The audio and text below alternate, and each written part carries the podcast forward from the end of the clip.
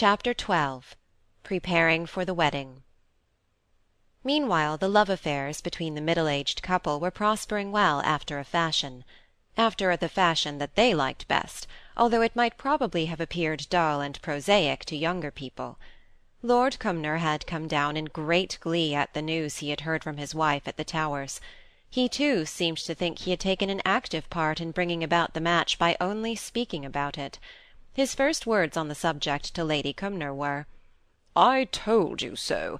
Now didn't I say what a good suitable thing this affair between Gibson and Clare would be? I don't know when I've been so much pleased. You may despise the trade of matchmaker, my lady, but I am very proud of it. After this I shall go on looking out for suitable cases among the middle-aged people of my acquaintance. I shan't meddle with young folks, they're so apt to be fanciful, but I've been so successful in this, that I do think it's good encouragement to go on." "Go on? With what?" asked Lady Cumnor dryly. "Oh, planning. You can't deny that I planned this match."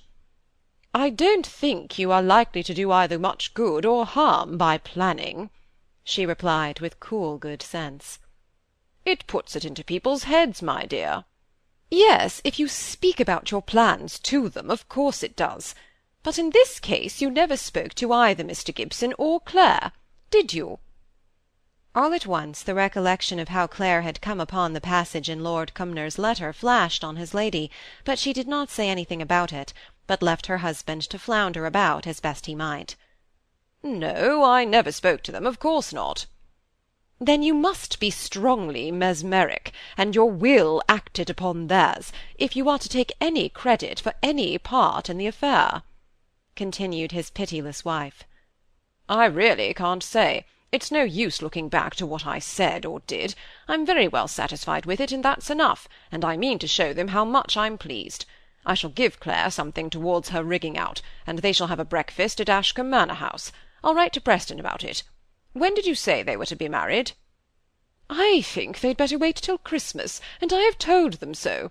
It would amuse the children, going over to Ashcombe for the wedding; and if it's bad weather during the holidays, I'm afraid of their finding it dull at the Towers. It's very different if it's a good frost, and they can go out skating and sledging in the park; but these last two years it has been so wet for them, poor dears." "And will the other poor dears be content to wait to make a holiday for your grandchildren? to make a Roman holiday. Pope or somebody else has a line of poetry like that. To make a Roman holiday," he repeated, pleased with his unusual aptitude at quotation. "It's Byron, and it's nothing to do with the subject in hand. I'm surprised at your lordship's quoting Byron. He was a very immoral poet." "I saw him take his oaths in the House of Lords," said Lord Cumnor apologetically. "Well, the less said about him the better," said Lady Cumnor. "I have told Clare that she had better not think of being married before Christmas, and it won't do for her to give up her school in a hurry either." But Clare did not intend to wait till Christmas, and for this once she carried her point against the will of the Countess, and without many words or any open opposition. She had a harder task in setting aside Mr. Gibson's desire to have Cynthia over for the wedding, even if she went back to her school at Boulogne directly after the ceremony. At first she had said that it would be delightful, a charming plan, only she feared that she must give up her own wishes to have her child near her at such a time, on account of the expense of the double journey. But Mr. Gibson, economical as he was in his habitual expenditure, had a really generous heart. He had already shown it in entirely relinquishing his future wife's life interest in the very small property the late Mr. Kirkpatrick had left in favour of Cynthia, while he arranged that she should come to his home as a daughter as soon as she left the school she was at. The life interest was about thirty pounds a year. Now he gave Mrs. Kirkpatrick three five-pound notes, saying that he hoped they would do away with the objections to Cynthia's coming over to the wedding and at the time Mrs. Kirkpatrick felt as if they would, and caught the reflection of his strong wish, and fancied it was her own. If the letter could have been written and the money sent off that day while the reflected glow of affection lasted, Cynthia would have been bridesmaid to her mother. But a hundred little interruptions came in the way of letter-writing, and by the next day maternal love had diminished, and the value affixed to the money had increased. Money had been so much needed, so hardly earned in Mrs. Kirkpatrick's life, while the perhaps necessary separation of mother and child had lessened the amount of affection the former had to bestow. So she persuaded herself afresh that it would be unwise to disturb Cynthia at her studies, to interrupt the fulfilment of her duties just after the semestre had begun afresh, and she wrote a letter to Madame Lefèvre so well imbued with this persuasion that an answer which was almost an echo of her words was returned, the sense of which being conveyed to Mr. Gibson, who was no great French scholar, settled the vexed question, to his moderate but unfeigned regret. But the fifteen pounds were not returned. Indeed, not merely that sum, but a great part of the hundred which Lord Cumnor had given her for her trousseau was required to pay off debts at Ashcombe; for the school had been anything but flourishing since Mrs. Kirkpatrick had had it. It was really very much to her credit that she preferred clearing herself from debt to purchasing wedding finery. But it was one of the few points to be respected in Mrs. Kirkpatrick that she had always been careful in payment to the shops where she dealt. It was a little sense of duty cropping out. Whatever other faults might arise from her superficial and flimsy character, she was always uneasy till she was out of debt. Yet she had no scruple in appropriating her future husband's money to her own use, when it was decided that it was not to be employed as he intended. What new articles she bought for herself were all such as would make a show, and an impression upon the ladies of Hollingford. She argued with herself that linen and all underclothing would never be seen, while she knew that every gown she had would give rise to much discussion, and would be counted up in the little town. So her stock of underclothing was very small, and scarcely any of it new, but it was made of dainty material, and was finely mended up by her deft fingers many a night long after her pupils were in bed, inwardly resolving all the time she sewed that hereafter some one else should do her plain work. Indeed, many a little circumstance of former subjection to the will of others rose up before her during these quiet hours, as an endurance or a suffering never to occur again. So apt are people to look forward to a different kind of life from that to which they have been accustomed, as being free from care and trial. She recollected how, one time during this very summer at the Towers, after she was engaged to Mr. Gibson, when she had taken above an hour to arrange her hair in some new mode carefully studied from Mrs. Bradley's fashion book. After all, when she came down, looking her very best, as she thought, and ready for her lover, Lady Cumnor had sent her back again to her room, just as if she had been a little child, to do her hair over again, and not to make such a figure of fun of herself. Another time she had been sent to change her gown for one in her opinion far less becoming, but which suited Lady Cumnor's taste better. These were little things, but they were late samples of what in different shape she had had to endure for many years, and her liking for Mr. Gibson grew in proportion to her sense of the evils from which he was going to serve as a means of escape. After all, that interval of hope and plain sewing, intermixed though it was with tuition, was not disagreeable. Her wedding dress was secure; her former pupils at the Towers were going to present her with that; they were to dress her from head to foot on the auspicious day. Lord Cumnor, as has been said, had given her a hundred pounds for her trousseau, and had sent Mr. Preston a carte blanche order for the wedding breakfast in the old hall in Ashcombe Manor house. Lady Cumnor, a little put out by the marriage not being deferred till her grandchildren's Christmas holidays, had nevertheless given Mrs. Kirkpatrick an excellent English-made watch and chain, more clumsy but more serviceable than the little foreign elegance that had hung at her side so long, and misled her so often. Her preparations were thus in a very considerable state of forwardness, while Mr. Gibson had done nothing as yet towards any new arrangement or decoration of his house for his intended bride. He knew he ought to do something, but what? Where to begin, when so much was out of order, and he had so little time for superintendence? At length he came to the wise decision of asking one of the Miss Brownings, for old friendship's sake, to take the trouble of preparing what was immediately requisite and resolved to leave all the more ornamental decorations that he proposed to the taste of his future wife. But before making his request to the Miss Brownings, he had to tell them of his engagement, which had hitherto been kept a secret from the townspeople, who had set down his frequent visits at the Towers to the score of the Countess's health. He felt how he should have laughed in his sleeve at any middle-aged widower who came to him with a confession of the kind he now had to make to Miss Brownings, and disliked the idea of the necessary call. But it was to be done, so one evening he went in promiscuous, as they called it, and told them his story. At the end of the first chapter, that is to say, at the end of the story of Mr. Cox's calf-love, Miss Browning held up her hands in surprise. "To think of Molly, as I have held in long-clothes, coming to have a lover! Well, to be sure! Sister Phoebe!" She was just coming into the room. "Here's a piece of news. Molly Gibson has got a lover. One may almost say she's had an offer. Mr. Gibson may not one, and she's but sixteen."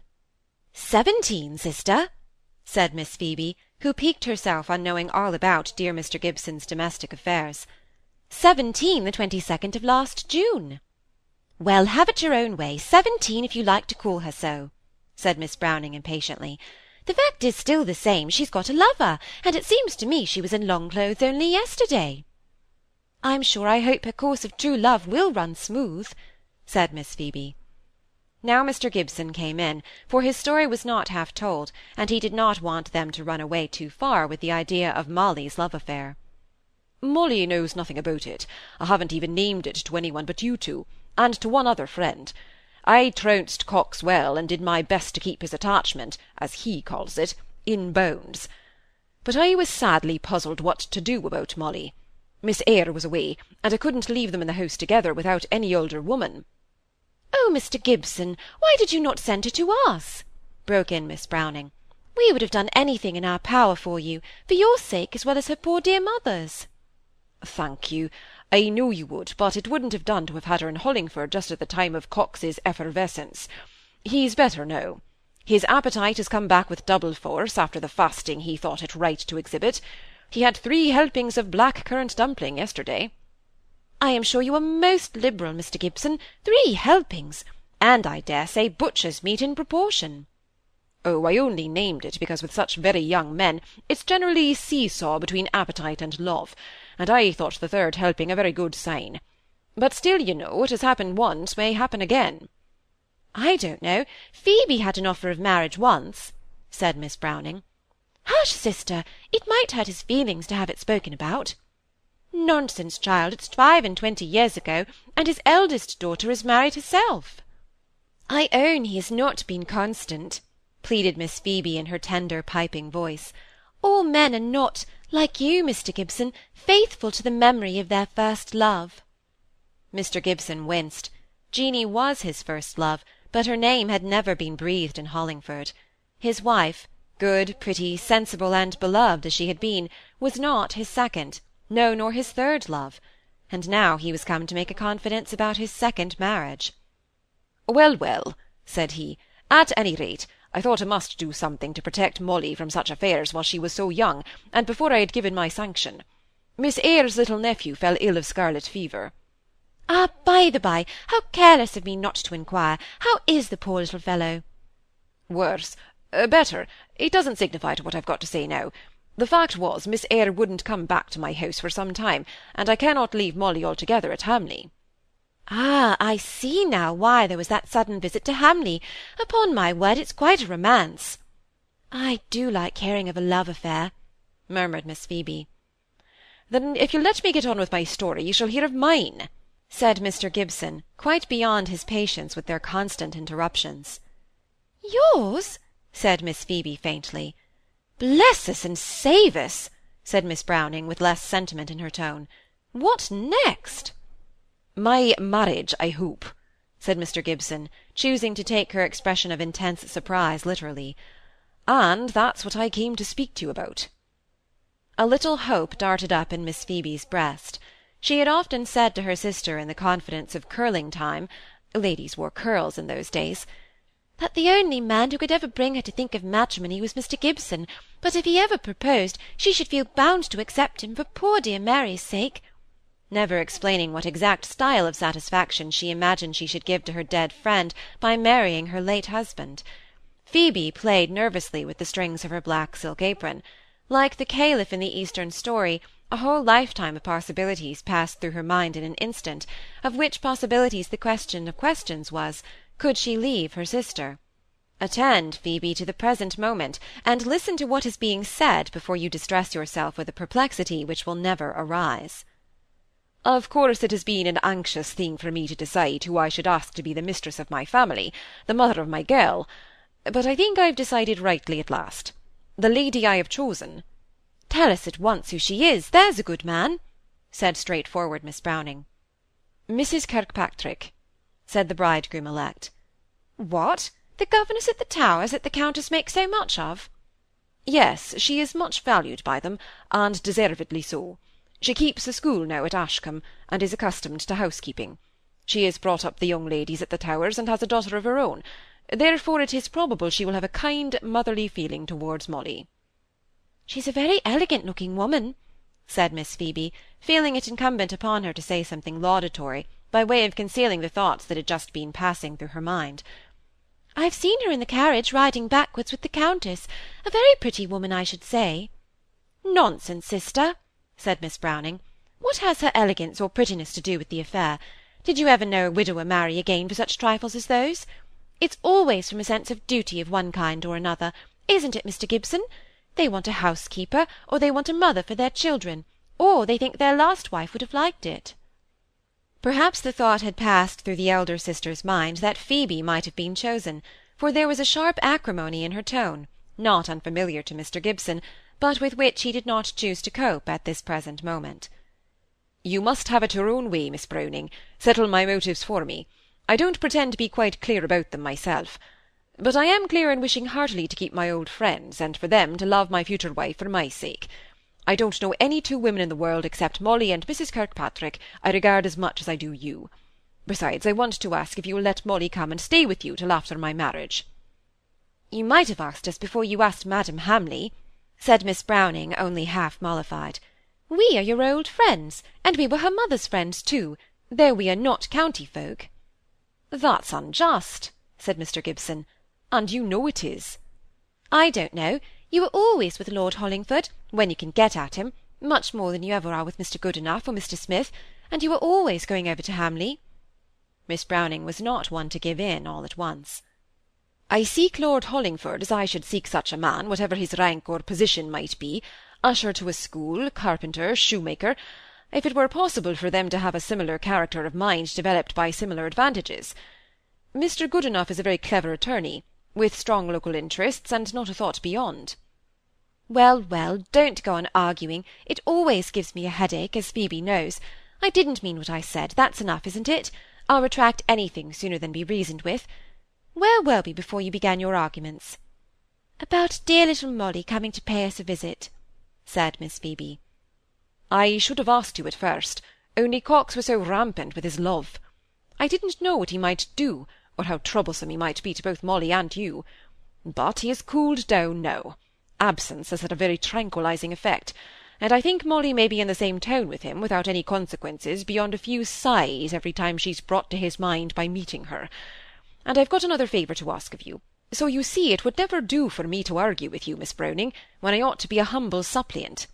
Something must be done to the house to make it all ready for the future Mrs. Gibson. It wants painting and papering shamefully, and I should think some new furniture, but I'm sure I don't know what. Would you be so very kind as to look over the place and see how far a hundred pounds will go? The dining-room must be painted, and we'll keep the drawing-room paper for her choice, and I've a little spare money for that room for her to lay out but all the rest of the house I'll leave to you, if you'll only be kind enough to help out an old friend. This was a commission which exactly gratified Miss Browning's love of power. The disposal of money involved patronage of tradespeople, such as she had exercised in her father's lifetime, but had had very little chance of showing since his death. Her usual good humour was quite restored by this proof of confidence in her taste and economy, while Miss Phoebe's imagination dwelt rather on the pleasure of a visit from Molly.